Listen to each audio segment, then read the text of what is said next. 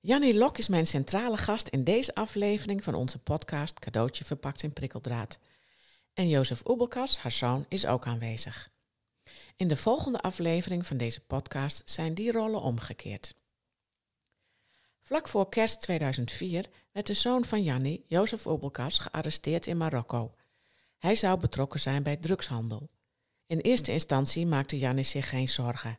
Hij was immers onschuldig, dus hij zou wel snel weer thuiskomen. Dat liep anders. Jozef werd volledig onterecht tot tien jaar cel veroordeeld. Jannie stelde zich ten doel om alles te doen om hem zo goed mogelijk te ondersteunen, zodat hij uiteindelijk thuis zou komen als iemand die het goed heeft doorstaan. Ook dat liep anders. Jozef doorstond het niet alleen. Jozef kwam zelfs sterker uit die ellende dan dat hij erin ging. Mede met behulp van 400 brieven van moeder Jannie. Eenmaal thuis schreef Jozef het boek 400 brieven van mijn moeder over al zijn belevenissen en ervaringen in de gevangenis. In deze podcast vertelt Jannie over deze bijzondere ellendige periode in haar leven en hoe het is gelukt dat Jozef zo sterk uit de gevangenis is gekomen. Certified PTG Practitioner Paul Postumus is mijn co-host in deze podcast.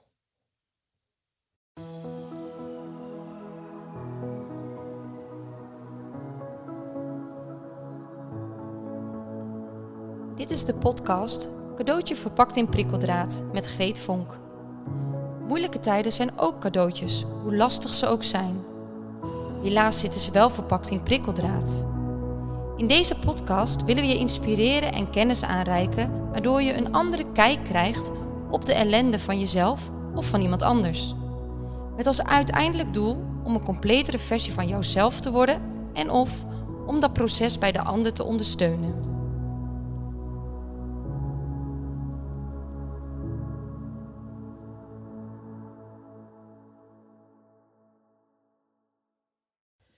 Welkom. Ja, dankjewel. ja, we zitten hier op, uh, op een uh, bijzondere plek. We gaan het hebben over het verhaal van Jozef, jou, jouw zoon. En Jozef is ook zelf aanwezig. Mm -hmm. Hallo. En uh, ja, het, het, verhaal, het, dat, het gegeven dat we hier zijn, begon eigenlijk met... we zouden een podcast opnemen met Jozef. En onze podcast gaat altijd over bijzondere verhalen. En dat doen we dan ook heel vaak op een symbolische plek.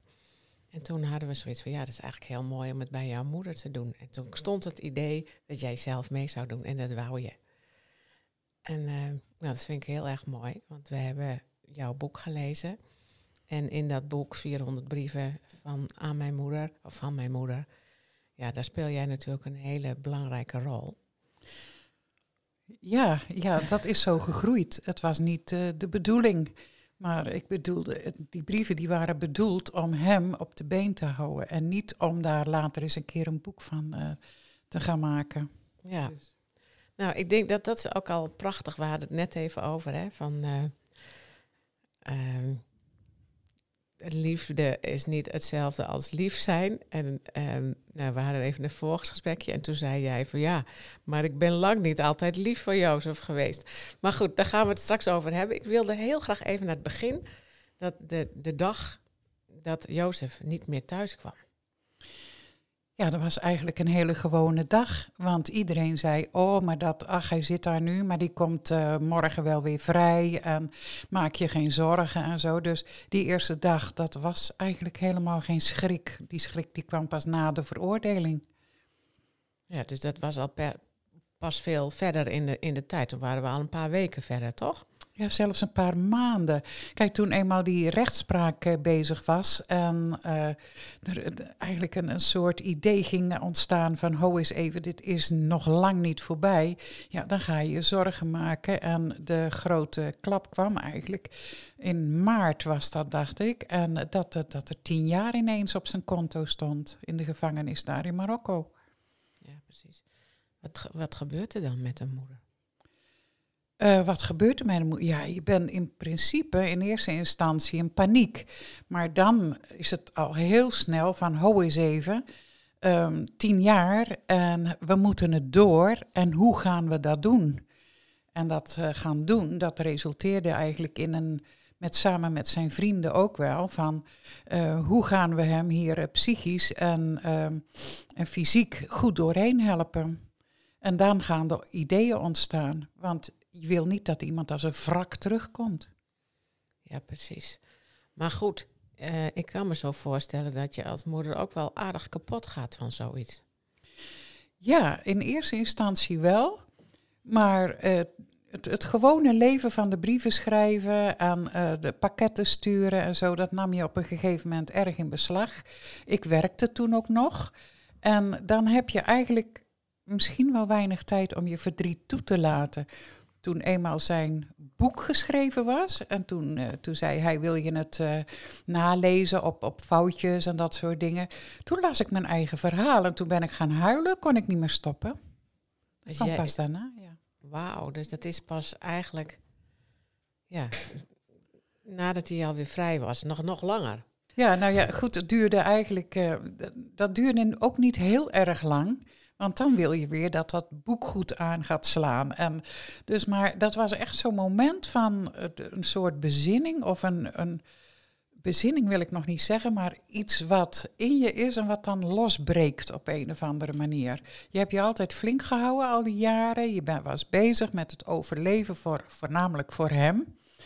En ja, dan ineens zie je dat helemaal weer terug verschijnen. En dan denk ik, hoe heb ik dat zelf meegemaakt, weet je? Dat idee kwam ook wel heel erg binnen. Was je dan een soort van, ja, op, je, op, op de liefde was je gaan draaien voor, voor Jozef eigenlijk? Ja, in die zin zou je dat wel kunnen noemen, ja. Ja, je was ook constant bezig om dingen te verzinnen om hem daar weer uh, te voeden. Hè? Want die omgeving daar is natuurlijk ontzettend desolaat. Nou, dan verzon je weer eens iets van, zou je dat niet kunnen doen? Of ik ga dit doen en misschien is dat leuk voor jou. Bijvoorbeeld uh, het bloementuintje aanleggen. Ik had wat uh, zaden gestuurd en nou, dan vraagt er ook een bewaarder van, oh goh, doet jouw moeder dat? En mag ik misschien ook wat van die zaden? En zo vijzelde ook zijn, zijn imago in de gevangenis ook heel langzaam maar zeker op. En dat heeft hem, denk ik, ook geen windeieren gelegd. Dat zou je eens aan hem zelf moeten vragen. Jozef. Ja. Wat een mooi bruggetje, man, naar mij. Pro hier. Um, ja, nee, ja, zeker. En het was niet alleen, het, het was alles, zeg maar. Hè. Dus het betrekken van de mensen, ook die daar zijn. Hè, dat, was, dat is denk ik ook hetgene wat heel erg mooi overkomt. Als ik een presentatie geef, een lezing geef, ik laat bijvoorbeeld het kerstkaartje zien dat komt altijd best wel binnen bij mensen, ben ik achtergekomen. En dan dat kerstkaartje. Ja, dat, klopt. ja, ja want, dat is ook echt het kaartje wat al die jaren natuurlijk bij mij heeft gehangen tussen die vier muren. En dat maakt het nog echter of zo, blijkbaar. En, um, maar nee, niet alleen dat kaartje, maar er is ook nog 200 andere kaartjes. Dus mijn moeder betrok die ja, medegevangenen gewoon bij, gewoon als mens ook. En dat is wel en dat was van kaartjes tot met stroopwafels, tot met spulletjes, tot met van alles. En ik maakte ook iedereen deelgenoot van ja, dat, dat geluk wat ik dan uh, ervoer. Want het was niet, oh, kijk mij, ik heb al die brieven, ik heb al die pakketten, ik hou alles voor mezelf. Nee, zit dat voor mij in en zit, zit dat voor jou in. Bewaarder en medegevangene. Ja. Ik heb het boek gelezen en dan heb ik het idee wel eens dat het vanzelf ging. De brieven die u schreef en, en zoals de kaartjes sturen en, en andere dingen. Maar ik vraag me daarbij af van, heeft u daar vaak ook gewoon bij nagedacht wat u ging doen? Of, of ging het echt, kwam het vanuit, uh, vanuit uzelf zomaar? Um, nou, je denkt natuurlijk als je dat soort dingen onderneemt en uh, je betrekt daar de andere gedetineerden bij, dat je wel het idee hebt in je achterhoofd van, ja, er zijn ook moeders waarvan de zoon in de gevangenis zit. Het zijn vaders van kinderen. Het, ze hebben allemaal diezelfde uh, narigheid, maken ze mee.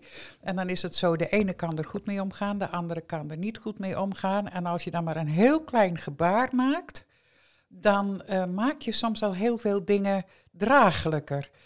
Nou, en dat is wel wat dat dreef. Wat mijn brieven uh, betreft, die schreef ik gewoon direct uit mijn hart. En dan was het door de week ook de nare dingetjes die je wel eens meemaakte op je werk of, of in je omgeving. En in het weekend kwamen dan de filosofietjes eigenlijk tevoorschijn, die ook in het boek zijn uh, terechtgekomen. Mooi. Ja, je hebt, uh, ja, prachtige dingen geschreven. Als jij als Jozef een presentatie geeft, dan citeert hij je ook uit een aantal van jouw brieven. Ehm, nou, dat heb ik, eh, omdat Jozef in onze opleiding eh, tot PTG-practitioner ook gastdocent is, heb ik dat al eh, intussen heel vaak mogen meemaken. En dat blijft elke keer weer zo ja, binnenkomen bij mensen. Ehm, ho- ho- hoe heb je dat voor elkaar gekregen? Dat je die, want je moet precies de goede toon vinden. En dat is niet makkelijk. In de eerste plaats ken je natuurlijk je kind, maar in de tweede plaats is het naar voren durven komen om voor je kwetsbaarheid uit te komen. Je moet je kwetsbaar op durven stellen naar de mensen toe. En dan krijg je wel eens commentaar, ja, maar dan gaan de mensen misschien wel denken dat. Ik zeg, dat maakt mij niet uit. Ik stel me tegenover mijn kind, stel ik me kwetsbaar op. En dat hoop ik dat hem dat helpt. Nou, dat schijnt dus wel het geval geweest te zijn. Best wel, best wel. ja. ja. ja, wat ik me dan ook afvraag eh, als ik die brieven lees, want het komt vanuit het hart, dus dat gaat vanzelf. En toch heb ik het idee dat er heel veel wijsheid en heel veel levenservaring onder zit. Tenminste, dat is dan even het idee wat ik krijg. En, en dan gaat er in mijn hoofd rond van, zijn er ook dingen wat u zelf meegemaakt hebt, waar die die wijs uit, eh, wijsheid uit heeft gekregen? Nee, nee. Ik moet u eerlijk zeggen van, ik heb eh, een heleboel mensen vragen bijvoorbeeld ook, heb je maatschappelijk eh, werk gedaan of, of heb je psychologie gestudeerd of iets dergelijks. Nee, ik, ik ben volkomen autodidact. En, maar het is ehm, je goed om je heen kijken wat er in de maatschappij speelt. Eh, daarover nadenken wat je dan zelf zou doen in zo'n situatie. En dan is het gewoon van, dat sla je op. Je slaat het op en op een gegeven moment merk je dat, dat je dat kunt gebruiken. En zoiets is het, denk ik. Ja, of het echt een levenservaring is. Kijk, iedereen maakt vervelende dingen in zijn leven mee en leuke dingen in zijn leven mee. Dus daar kan ik wat dat betreft niet uit putten. Maar het is gewoon een innerlijk gevoel van, ja, zo hoort het of zo moet het. Bewustzijn. Onbewust te zeer bekwaam of zo. Ja, zoiets. Ja. Een echte Ja. moederliefde die daar boven denk komt. Die gewoon zonder weten gewoon weet wat zo nodig heeft. Het is. Ja. ja. Mooi. Maar, maar ik merk wel dat heel veel mensen ook naar mij toe komen. Ik krijg bijna altijd de vraag: van, goh, waar heeft jouw moeder die wijsheid en kracht vandaan gehaald? Dus mensen willen het echt, echt weten. Hè? Want dan, en dan de valkuil is, is dat mensen, denk ik, hè, ik vul het even in, dat mensen dat willen weten, want dan kan ik het ook zo toepassen. Dus eh, is het voor mij opgelost. En dat is dan weer, denk ik, net wat te makkelijk. Ik Ja. denk dat iedereen bij zichzelf te raden kan gaan. Maar dat is natuurlijk wel heel.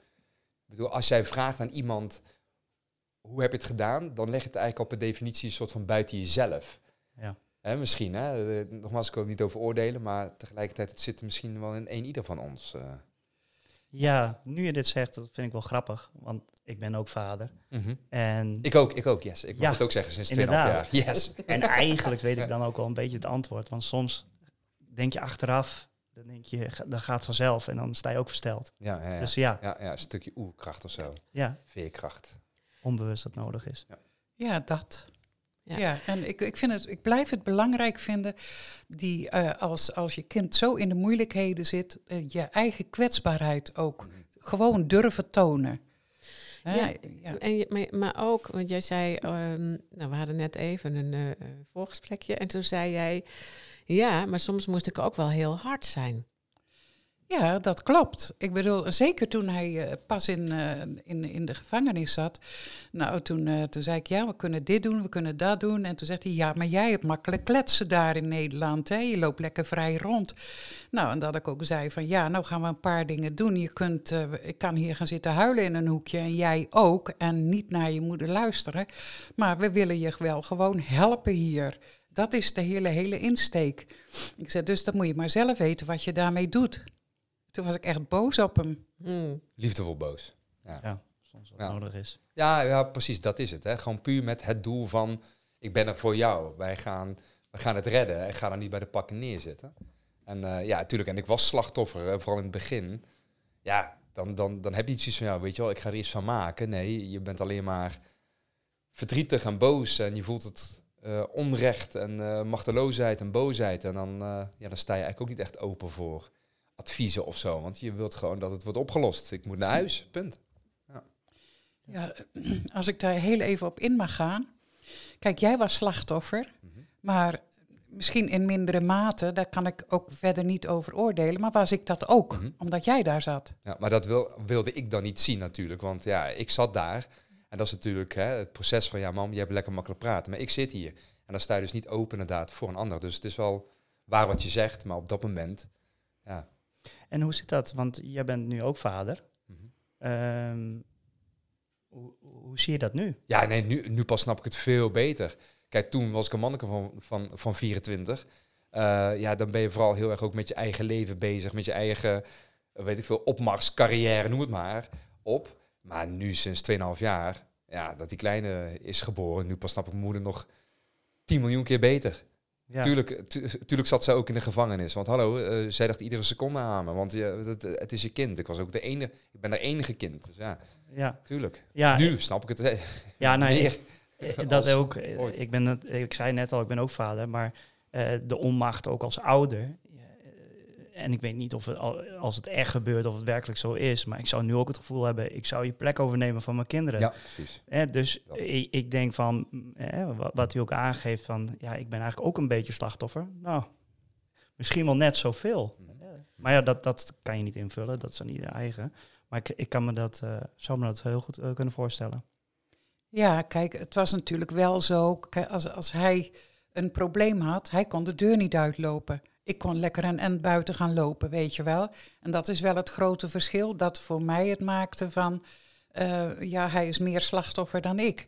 Maar het was zelfs zo, de eerste twee jaar van de vier en een half, dat ik dacht, als ik daar naar buiten ging, dat ik me een beetje schuldig voelde, hè, als ik het moeilijk had. En dat ik denk, ja, mm, ik kan lekker naar buiten even uitwaaien, hè, mijn hoofd leegmaken, maar hij niet. Gek is dat, hè? Dat je dan bijna schuldig gaat voelen voor Ja, zoiets. ja, Wat zijn mensen bijzondere wezens. Ja. ja. Ehm, ik wil nog heel even terug naar dat moment dat jij boos werd. Hè? Hoe, hoe moeilijk was dat om dan boos te worden op iemand die het zo, eh, zo pittig heeft? Nou, dat was wel een moment. Ik heb eigenlijk niet gehuild in de periode dat hij in de gevangenis zat, maar toen wel. Dat ik echt iets, dat ik de wanhoop nabij was en echt dacht van, luister alsjeblieft naar me. Hmm, Doe dat. Toen wel.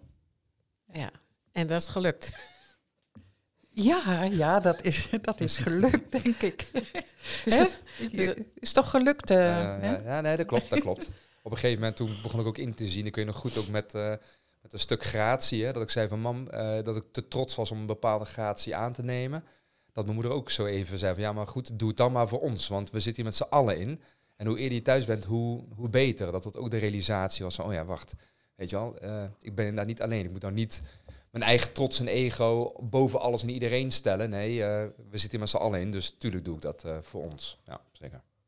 Dat was ook wel een moment dat ik even boos op je Ja, was, klopt, ja. dat klopt. En dat kwam, dat kwam ik echt binnen. En dat maakte me ook even wakker. Want dan, dat heb je soms ook even nodig. Hè? Een liefdevolle schop onder je kont. Zo van, hey, hallo, even uit je bubbel. Even uit je eigen ja, illusie of waan of hoe je het maar wil noemen.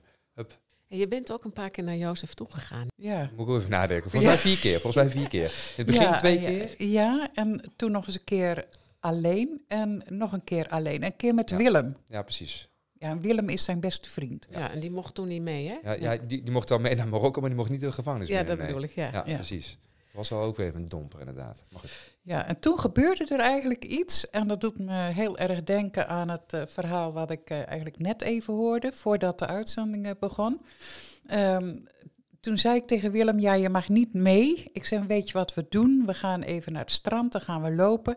Ik heb het gevoel dat er toch nog wel wat iets van een contact komt. En we liepen daar en de telefoon ging en was hij aan de lijn voor Willem. Hmm. Ja. Ja, dat is cool.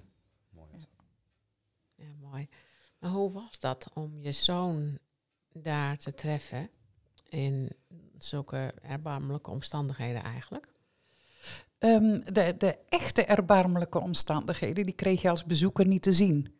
Het was eh, een hele grote zaal, eh, zo groot als een voetbalveld. En er stonden allemaal eh, soort tuinsetjes. Het ene nog meer stuk dan het andere. Het was heel primitief allemaal. En dan eh, was er een soort toegangsdeur en daar zat je wel constant naar te kijken van wanneer zal die open gaan. En mag, mag die wel door. Maar een pakje sigaretten deed wonderen, dus voor de bewaarders. Hè, corruptie, dat begint daar al bij het hele, helemaal op de bodem. Ja, dus dan mocht, dus dan, eh, mocht hij tenminste door. Ja, en, en dan vaak ook in plaats van één keer drie kwartier, twee keer drie kwartier. Ja, wij zien het dan als corruptie. En dan, dus daar is het gewoon de manier van ja, overleven of zo. Hè? Dus dat is zo, zo werkt het gewoon. En wij Nederlanders, even zo gezegd, wij zien het op onze manier. Dat werkt niet zo hier, althans, althans. Eh, hm, maar goed, andere discussie. Maar dat is inderdaad ja, gewoon hoe het werkt. Dus uiteindelijk, ja, weet je wel, eh, blijf ik dan bij mijn eigen principes van, ja, ik ga geen pakje sigaretten geven. Of ja, ben ik erachter gekomen dat het ook vaders zijn die met 200, 250 euro per maand rond moeten komen. Twee, drie kinderen hebben. Dat dit ook een ja, manier van overleven is. En zij waren bij machten, maar... Dan krijg je ook meer begrip. Ja, dat. dat ik, uh, dus ik zag het hem niet meer als erg. Ik zag van, ik snap het. En hier, en daarmee kan ik verder. En daarmee kan ik mijn moeder zien. En dat was, maar het was eerst nog in, uh, in die eerste gevangenis, hè, in Berkane. Dat was uh, echt wat totaal anders hoe ik het in ieder geval heb ervaren qua visite. Ik weet niet hoe jij dat hebt ervaren toen. Want in Saleh was ja, het toen... Al, ja. Toen waren al gevestigd, zeg maar. Maar toen was nog in het begin, toen ik nog niet was veroordeeld en ongeloof en alles. En toen dachten we nog, het komt wel goed. Ja, precies. Ja, Berkane was heel anders dan, uh, dan Saleh. Dat, uh, dat moet ik wel zeggen. Maar ik denk dat de ergste periode, wat ik achteraf heb gehoord van jou, dat was in Taza. Oh ja, dat was. Dat, dat was de gevangenis in Taza, dat was echt een, een, een bende. En ja, net wat je zei, misschien moet ik het woord corruptie, moet ik dat uh, omzetten in een manier van leven. Mm. He, want ja, wij bekijken hier alles vanuit het westers oogpunt, ook qua rechtspraak. He, want dat hebben we natuurlijk ook meegemaakt, dat mensen zeiden, ja, ja, ja, je kan het wel zeggen, moet je hem geloven op zijn blauwe ogen. Maar dat is die perceptie die je hebt van hieruit ja. en niet naar daartoe. Ja. Maar dan zag je hem zo nu en dan. Werd het dan niet eigenlijk nog moeilijker? Werd het gemist dan nog groter? Hoe werkte dat? Um, ja, aan de ene kant wel en aan de andere kant niet. Het was heel fijn om hem te zien, maar de reis als vrouw alleen daar naartoe en als vrouw alleen weer terug, dat, dat was niet fijn. En toen heeft hij ook uh, op een gegeven moment gezegd, hij zegt, mama, kom maar niet meer. He, dat, uh, het, het, het, afscheid was moeilijk, maar ook de douane daar. En, en ja, we wisten inmiddels wel hoe het daar allemaal werkte. Dat was best moeilijk. Dus de laatste twee jaar, toen ik hem weer zag, toen hij vrij was, toen had ik hem meer dan twee jaar niet gezien. Pittig. Ja, en toch op het, wel pittig, maar op een of andere manier waren ze ook voorbij gevlogen. Of dat moet het moment geweest zijn dat ik hem in Serdogenbos zag dat hij vrijgelaten werd, dat dat wegviel. Dat kan ik zelf ook niet goed duiden natuurlijk. Nou, je zit, je zit in zo'n... Ik stel me dat zo voor. Je zit in zo'n... zo'n ja, sleur is het niet, maar in een routine van zorgen zo goed mogelijk voor je zoon zorgen en en je, en je werk. En ja, en, en, en je hebt natuurlijk enorm veel motivatie om dat te doen. Ja, ja, zeker. En want dat is precies wat ik zei. Als de mensen als een wrak en, en met half uitgeslagen tanden terugkomen, ja, dat moet je zien te voorkomen. En, uh, nou, misschien vertelt hij zelf wel het verhaal wat, wat de tandarts zei toen hij terugkwam. Onze Corné Bruin in de Raamsdorfsfeer, ja, ja. die, die zag een perfect gebit. dus tien minuten, die was gewoon tien minuten aan het zoeken. Met zijn, uh, met zijn spiegeltje, met zijn haakje. Ga eens even kijken. Ga, jij moet toch gaatjes hebben? Ja, dacht het niet. Dat was wel tof. Dat was wel een mooi momentje. Overwinningsmomentje. Over, over trots gesproken. Ja, dat was cool. Ja. Dat was mijn doel ook. Dat was een van onze doelen. In ieder geval naar, naar huis zou komen met allemaal tanden. Dus heel bewust met tanden verzorgd uh, binnen de. Ja, want ja. ik had hem echt duidelijk gezegd van verzorg jezelf goed. Ook al zit je in de meest ellendige omstandigheden, want als je alleen maar ellende en viezigheid om je heen ziet en je verzorgt jezelf dan ook nog niet goed, dan krijg je al gauw dat je op het niveau van een, ja, van een niet zo schoon dier terechtkomt. En dat moet je nooit willen van jezelf. Doe in het weekend nou precies maar of dat je naar de disco gaat, zeg maar. Ja, knap. Mooi. Wat ik wel zelf ook heel benieuwd naar ben, is uh, jouw proces hier in Nederland. Hè, om uh, te kijken om uh, Jozef vrij te krijgen. Of in ieder geval van alles voor elkaar te krijgen hier in Nederland. Um, hoe heb je dat ervaren in Nederland? Heb je veel hulp ervaren? heb je ook het idee gehad dat het systeem wou helpen? En nee, het, het systeem hielp niet. Zijn vrienden wel. Maar het systeem die verschuilt zich als het ware achter het feit dat Marokko een politieke A-status heeft. Ze mogen niet ingrijpen in de rechtsgang van een bevriende staat. Uh, en dat zat me best wel dwars. En toen uh, op een gegeven moment toen zei ook iemand, ja maar hou eens even, ze hebben toch het verdrag van Helsinki ondertekend. Ik zeg ja, maar de praktijk is anders. Het verdrag van Helsinki zegt dat iedereen een eerlijk proces moet krijgen. Nou, dat heeft hij niet gehad maar zijn vrienden daarentegen wel. Maar zijn de, je loopt overal tegenaan. Bijvoorbeeld de bank. De bank, hij, ik, hij had, ik had wel een volmacht, maar niet over zijn spaarrekening. Dat zeg ik ook altijd tegen mensen. Ga je kind naar het buitenland, zorg dat je ook bij die spaarrekening kunt. Want daar kun je, moet je een aparte regeling voor treffen. Nou, en toen kwam ik ook bij de bank, want ja, zijn geld was bijna op. Hè, moest een auto afbetaald worden. Nou, en toen, uh, toen zei ik ook, ik zeg ja, en nu? Ja, zeiden ze, maar uh, ja, dan moet je een, een, brief naar hem sturen of hij moet een brief naar ons sturen en dan kunnen we daarvoor zorgen. Maar die brieven krijg je de gevangenis zo niet uit. Ik zeg, nou, ik ga er binnenkort naartoe en dan zal ik wel vragen of hij een brief schrijft en ondertekent en dan komt dat voor elkaar. Ik met die brief naar de bank. Wat zegt de bank? Ik zeg, ja, kom nou terug uit de gevangenis van Marokko, waar ik mijn zoon heb bezocht. En dan zeggen ze, ja, maar hij moet wel zelf hier komen ondertekenen. ja, echt hè. Ja, en dan, toen zei ik, nou, ik zeg, ja, dan was ook iets met een bankpasje. En toen zei ik ook, ik zeg, ja, uh, ja, maar heeft hij, uh, heeft hij uh, internetbankieren? Ik zeg, ja, dat heeft hij wel. Ja, want dan kunt u met zijn bankpasje, kunt u dat de zaken regelen, want wij zien niet wie er achter de computer zit. En toen werd ik weer boos en toen zei ik, en nu blijf ik hier zitten totdat u een oplossing hebt gevonden. Ik heb daar drie kwartier met mijn armen over elkaar gezeten en toen was het wel voor elkaar. Hè? Maar je moet achter die balies zien te komen. En dat is best moeilijk, omdat hier in Nederland is alles zo overgereglementeerd. in, in tegenstelling tot in, in Marokko, bij wijze van spreken, dat dat, dat ook moeilijk is. Hoor ik nou dat corruptie ook wel eens een beetje een voordeel kan zijn? ja, dat, dat hoor je wel, ja. ja. Hier heb je 10 euro en dan is het geregeld. Ja, dat is hier in Nederland Dat bij de is in Nederland niet mogelijk, nee. Wat ik ook heel mooi vind in dit stukje is van... nou, ik heb wel heel veel presentaties van jou uh, meegemaakt, uh, Jozef. En het beeld is altijd zo van ja, ik heb, hè, de, en mensen hebben dat ook van wat heb jij een lieve moeder? En, en heb ik ook. Heb je ook, maar, ja. maar, maar, maar, lief in de zin van lief, lief. Je snapt wat ik Schattig, niet schattig, Zo van oh. Ja. Nou, dat heeft ze ook wel, maar het is al een dame die er gewoon echt staat. En dat moet ook. Dat is wel heel pittig. Maar, maar, maar, zo pittig um, ging je dus ook zo nu en dan met, met Jozef om uh, in, toen hij in de gevangenis zat. Hè? Ja, af en toe. Ja. Hoe was dat voor jou, Jozef? Ja, hoe dat? Uh, confronterend, maar tegelijkertijd ook heel... Ik nam het uiteindelijk wel aan. Hè, het is niet leuk om te horen van, uh, weet je al, focus je nou, hè, neem je verantwoordelijkheid. Ook daar, hè, kom op, bepaal je doelen. Als je het echt wilt, lukt het je. Allemaal dat soort zinnen.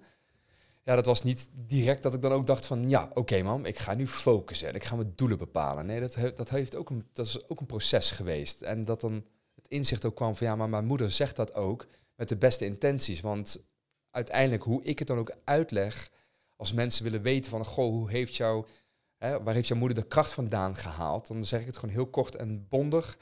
Mijn moeder had gewoon één doel en dat is gewoon, wij gaan dit overleven. Wij komen hier sterker uit, wij worden de winnaars uit de bus. Punt. Gewoon per definitie, dat gaat gebeuren. Staat muurvast. En uh, dat, dat werd me steeds duidelijker en duidelijker, ook met de teksten die ze me schreef. En dat ik dat ook dat het inzicht bij mij ook steeds ja, uh, duidelijker ook werd. Dat ik dacht van ja, weet je, dit, dit gaan we inderdaad doen. Ja, nou, nou, dat is ook de reden waarom jij bij ons in de opleiding zit, hè? want het gaat over posttraumatische groei. Ja. Dat is voor jou dus heel goed gelukt. Hoe is, hoe is dat voor jou eigenlijk? Um, nou, ik heb niet echt een uh, eh, PTSS, maar een, uh, Eh, wel dat ik bijvoorbeeld eh, films op tv waar heel veel eh, geweld in zit, kan ik niet meer zien. Dat, dat is voor mij te confronterend. Vooral omdat ik weet wat er in die gevangenissen daar is gebeurd en dat hij daarin blootge aan blootgesteld is geweest. Nou, en dat is altijd wel iets gebleven. Dat kan soms zo ver doorgaan dat als ik een, een film zie over, over de natuur en dat een, een, een, een leeuw een ander dier doodmaakt, dat me dat ja, een heel een naar een onge- ongemakkelijk gevoel geeft. Ondanks dat je weet dat dat de natuur is, dat, dat die dieren ook moeten overleven. Maar dat zijn wel dingen die ik daar wel aan overgehouden heb. Maar niet dat ik helemaal in een put zakt van, van moreel eh, helemaal niet meer bekwaam zijn en zo. Dat heb ik echt niet. Nee. En Jozef geeft zelfs aan dat hij er heel veel sterker uit is gekomen. Heb jij ook nog veel geleerd van die, van, eh, van die periode? Ehm, veel geleerd. Over jezelf? Ehm, nou, ja, misschien wel. Ik bedoel, als mensen jou constant zeggen van... oh, en dat heb je goed gedaan... en eh, wat een psychologisch inzicht... en ben je maatschappelijk werker geweest... dan denk ik, ja, dat zit misschien wel in me. En dat heb ik altijd wel gedaan. Maar hier in de woonvorm met eh, andere mensen die hier wonen... dan eh, ben ik ook weer die helper. Omdat ik gewoon weet van hoe moeilijk of dat het voor hun is. En dan denk ik, ja, ik heb het zelf ook zo moeilijk gehad. Dus jij leert wel meer, ook in het gewone leven, om naar andere mensen te kijken. Van hoe moeilijk hebben ze het? Of misschien juist wel hoe makkelijk hebben ze het? Kan ook, hè? Ja, het is een soort van eh, verdere ontwikkeling van het empathisch vermogen of zo. Moet ik dat zo zien? Nou, zo zou je het kunnen noemen. Ja. Heeft het jou veel opgeleverd? Ehm, ja, in zekere zin wel. En in andere zin ook weer niet. En er zit altijd een ja en een nee kant aan. Hè? Een yin en een yang, hoe je het ook noemen wil. Er zijn ook mensen die zeggen, nou zeg, eh, hè, wat denkt ze wel dat ze iemand eh, neer kan zetten of, of, of juist kan helpen. En wie denkt ze wel dat ze is, dat hoor je ook wel eens. Is het zo? Ja, dat hoor je wel eens, ja. Maar goed, dat is net... Zegt eh, alles over die persoon die dat zegt. Ja, daarom dus. Dan denk ik, nou, jij zegt het en nou, je snapt het niet. Nou ja, oké, ik zie je nu even een paar minuten, uh, nou, toedeledokie, om het maar eens populair te zeggen, hè. Ja, dus dat, die, die mensen, die, die hoef je niet nader te leren kennen. Dat, dat zeg je heel mooi.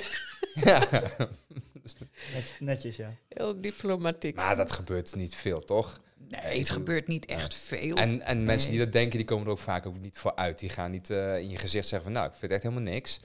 Eh, ja, ja, en, ja, goed. Maar dan moet ook niet de focus zijn ook. Ja, Dus- maar dat is wel zo makkelijk als ze niks zeggen, dan weet je het niet ook.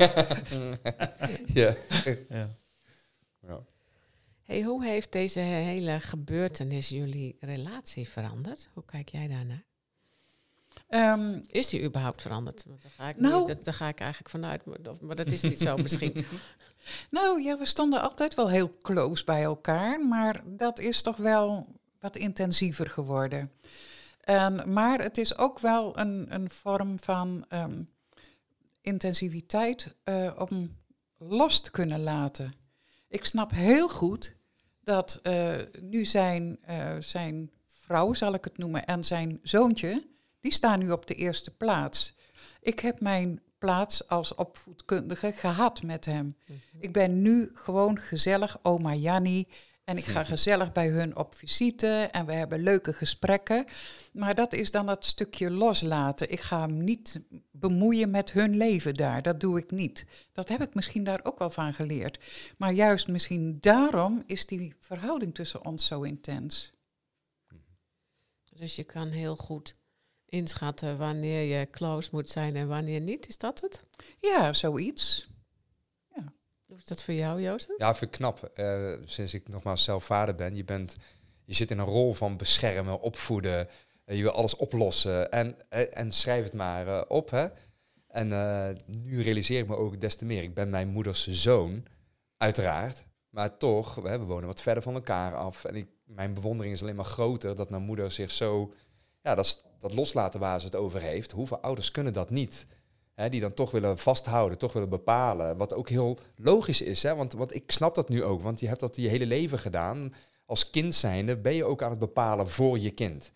Ehm, maar dat op een gegeven moment, ja, dat was ook jouw doel, zei je wel eens. Hè, dat jouw doel was een goed, weldenkend, vredelievend mens op aarde te zetten. Eh, en dat jij vond dat het wel redelijk geslaagd was, uiteindelijk. maar, maar, maar, maar, maar, daarmee loslaten. Ik vind het heel prettig dat mijn moeder ook echt zo haar eigen leven heeft. Dat ik ook gewoon uh, met haar moet afspreken. Zo van, mijn moeder is geen zielig oud vrouwtje die op een balkonnetje achter de bloemetjes zit te staren, maar zit te wachten tot wanneer komt mijn zoon weer. Nee, sterker nog, mam, heb je tijd? Want ik ben in de buurt. En dan zei ze, nou, vandaag niet, want ik heb een rondleiding voor de VVV. Of ik heb een vergadering, of we moeten naar het museum, of we moeten naar Zeeland voor uh, dingen doen. En nee, is heel, ja, vind ik echt heel fijn. Ja, dat kan ik me ook wel voorstellen. ja. Mm, ja, want het is, het, je hoort zo vaak van mensen van, uh, dat ze zeggen, ja, er zit mijn moeder weer uh, te vragen, wanneer kom je weer eens een keer langs en, en wanneer kan het? Nou, wij moeten echt wel agenda's overleggen. ja. ja. Hey, je hoort wel eens als je dit soort dingen meemaakt in het leven, hè, dan zeggen mensen, kom je nooit meer overheen. Hoe, hoe, hoe kijk jij tegen dat soort uitspraken aan? Um, ja, ik kan, ik kan op dat gebied eigenlijk niet voor anderen spreken. Iedereen heeft een, een ander karakter. Ik kan daar heel goed mee, mee dealen en ik kan er heel goed mee door één deur. En het is gebeurd en het was afschuwelijk. Maar we hebben ons leven weer opgepakt. Andere mensen die zullen zich daar nooit overheen kunnen zetten omdat ze dat zo intens hebben beleefd en geen uitweg meer zien en misschien psychologische hulp nodig hebben of wat dan ook. Ja, dat, dat hebben sommige mensen ook nodig. Ik, ik verbaas me ook altijd dat er mensen zeggen je krijgt uh, kruis naar dragen of zo. Maar daar geloof ik niet in. Want dan zouden er geen mensen bij een psychiater terechtkomen als, als dat zo was. Dus wij hebben zich, uh, ons daar overheen kunnen zetten. Maar andere mensen zullen dat niet kunnen. Wat is voor jou, voor jou essentieel geweest om dat, om dat voor elkaar te krijgen, denk je? Ik heb vier dochters. Mm. als je zoiets meemaakt, lijkt me heel, heel intens verschrikkelijk. Ik, ik, heb daar, ik kan daar nauwelijks beelden bij maken eigenlijk. gelukkig. Jozef is er heel sterk uitgekomen. Maar dat, dat ging misschien niet vanzelf. Ja, waarmee heb je dat zo voor elkaar gekregen? Nou, misschien alleen al de simpele gedachte van hij is nou vrij, vrij en we moeten er weer wat van gaan maken. Het leven duurt nog langer dan die 4,5 jaar. Dat is misschien wel heel simpel gezegd, maar ik denk wel dat het zo werkt. Dat één simpele gedachte jou tot grote daden kunnen zetten. Dat denk ik wel. Hmm. Als je dingen vreselijk ingewikkeld gaat maken, dan, kun je niet, dan zie je de rode lijn niet meer. En dan kun je ook niet, uh, niet daadkrachtig zijn. Of ik denk dat het dat is. Stem, nuchterheid eigenlijk. De nuchterheid. Wat, wat heb jij daarvan gezien, Jozef? Ik zeg, ik vind het wel mooi. Uh, pas wel mooi op een tegeltje. Een simpele gedachte kan leiden tot grote daden. ik zie het echt op een tegeltje staan, man. Jannie Lok. Ik vind hem echt heel mooi. Ja, nee, ja, nee ik vind het echt heel mooi gezegd. Um, omdat, omdat wij, wij mensen zijn zo in staat om heel gecompliceerde gedachten te creëren over iets wellicht heel simpels. En uh, dat dan even analyseren en nagaan, waar gaat het nu eigenlijk om? Maar uh, ja, weet dat, ik vind ook, we hebben het niet zozeer achtergelaten, we hebben het vooral gewoon onderdeel laten zijn van ons leven. Dus het mag er zijn. Het is niet in een verdom hoekje gestopt. Het is niet, je mag er nooit meer over praten. Uh, het is gewoon onderdeel van ook wie wij zijn. We zijn het niet, maar het is onderdeel van wie wij zijn. En uh, ja, het is haast gewoon oké okay ook gewoon. Want het is toch eenmaal gebeurd en wij bepalen hoe wij daarnaar kijken. Ja, het, uh, is ja, proces geweest. Maar. Ja, precies. Ja, het verweeft zich in je leven. Mm -hmm. de, je hebt een heleboel mensen die zeggen ja, en um, de, ik heb het een plekje gegeven. Ja, waar ergens in je hersenen? Nee, het zit verweven door je hele leven heen. Mhm, ja. En dat laten verweven, dus niet allemaal apart die laadjes opentrekken, dus het leven in zijn geheel zien. Ik denk dat dat wel de grote drijfveer is geweest. Ja, mooi. Ik zo mooi. Uh, dat is dan een stukje interpretatie van mij. Maar wat ik zelf dan zie, is gewoon een hele mooie combinatie van hart en uh, van het hoofd. Hè. Heel veel liefde, maar ook heel praktisch. Hmm. En mensen kunnen alleen maar praktisch zijn en missen een stukje hart. Maar die combinatie, die zie ik zo mooi terug. En uh, nou, dat vind ik echt heel mooi. Ik denk ook dat daar heel veel antwoorden liggen van wat er gebeurde. Ja. En overgave. Hè? Ja, dat, dat zou kunnen. Ja, ieder mens heeft ook, denk ik, twee kanten. En het, het leukste voorbeeld daarvan, dat kreeg ik nog niet zo heel lang geleden. En het, daar heb je het over een deel hardheid en een deel zachtheid. En die zeggen van, je zou het nu niet zeggen, maar ik heb heel vaak uh, kleding in bijvoorbeeld de kleuren rood en bruin en, en dat soort tinten. Terwijl mijn inrichting van mijn huis heel cool is. Hè? Dus veel wit en grijs en zo. En die zei dat ook, dat zijn gewoon aan die twee kanten van jou die je onbewust wel laat zien. En ik denk dat daar een, een vorm van antwoord in zit. Ja, en ik kreeg ook laatst van iemand, hè, die zei van, goh, hoe doe je dat? Ik krijg zo vaak de vraag, hoe doe je dat nou? En dan leg je dat uit en dan zeggen ze, ja, maar dat is eigenlijk een heel rationele keuze. Hè? Dat is met, met, met alleen maar ratio. En dan misschien is dat ook dan ook gewoon, begin dan eerst gewoon met ratio, weet je wel. Ik wil, ik wil hier uitkomen, of ik wil het redden, of ik wil sterker zijn. Of hè, dat, dat, dat je er helemaal geen gevoel bij hebt, maar dat je het gewoon eens gaat uitspreken. Dat je het gewoon inderdaad opschrijft. Je hebt er helemaal geen gevoel bij, want je voelt je helemaal uh, ellendig. Maar misschien begint het wel zo ook. Ja, ik weet het ook niet. Ja, En nou... dan, en dan er naartoe groeien Ja. of zo. Ja, nou, dat is ook met die brieven. En ik zeg zo vaak, ik krijg best wel mails doorgestuurd van mensen die dan ook een kind in de gevangenis Mm. hebben zitten.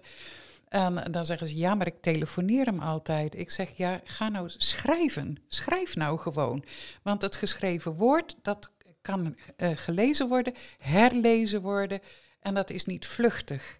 Als je telefoneert, dat is vluchtig. Je zei het wel eens, hè? het geschreven woord vervliegt niet inderdaad. Ja, precies. Ja, mooi.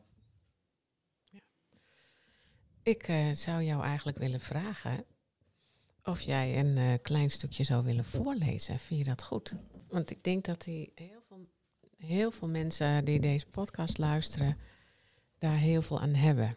Het zal allemaal niet meevallen met die brieven van mij die stevast eindigen met volhouden mijn kind en nog eens volhouden en moed houden en het komt allemaal wel goed. Maar soms dringen, dringen vragen zich, maar soms dringen vragen als waarom, waartoe en hoe lang nog zich wel bij je op. Ondanks dat we er beide heilig van overtuigd zijn dat niets zonder reden gebeurt.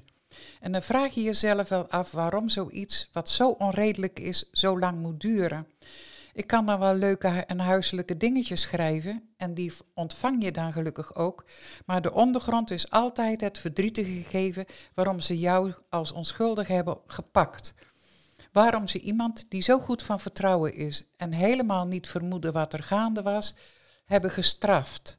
Waarom anderen wel vrijkomen en jij niet. Ik maak me nog steeds kwaad dat jij juist door je goedheid daar terecht bent gekomen.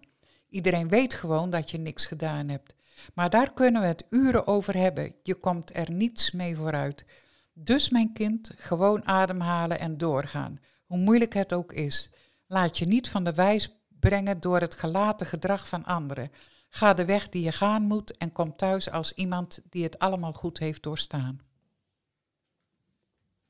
Mooi horen, man. Ik was... eh Mooi is weer zo te horen zo. Want ik heb natuurlijk het boek ook al lang niet meer gelezen natuurlijk. En dan is ik het al eh mooi stukje, Geet. Mooi. Mooi gekozen. Eh, wat ik zelf zo mooi vind, is die. dus, daar zit zoveel in dit stuk. Eén aan één, eh, één kant gewoon de enorme wanhoop van, van jou als moeder en, en ook verplaatsend in, in Jozef. Aan de andere kant een stuk, stuk nuchterheid, de kracht en de kwetsbaarheid. Maar wa- wat ik ook zo mooi vind, de, de, de boodschap. Kom thuis als iemand, dat is zo'n iemand die het goed doorstaan heeft, dat is, dat is een, een ja, wij hebben, ik heb het wel eens over, ook met mijn kinderen over, dat je kunt bepaalde bestellingen doen als het ware in het leven. Hè? Nou, dat is zo'n grote bestelling. Ja. Aanmoedig. Ja, het is ook eh, wel eh, misschien een combinatie van verdrietig zijn en moed inspreken. Dat zou ook nog kunnen. Dat, eh, maar ja, dat, dat, dat, kostte geen moeite om dat te schrijven. Er heeft ook ooit iemand tegen mij gezegd van... ehm, als ik dus een, een, een leuk filosofisch stukje schreef... Dat, heb je dat wel zelf verzonnen? Toen ben ik ook boos geweest op degene die dat zei. Net of dat je als, eh, als je geen poëzie of zo hebt gestudeerd, of dat je dat dan niet kunt. Hè? Dat, daar kan ik nou nog een beetje boos over worden, dat iemand dat dan zo zegt. Gewoon zeggen, heb ik gegoogeld. Inderdaad. Ja, eigen copy-paste.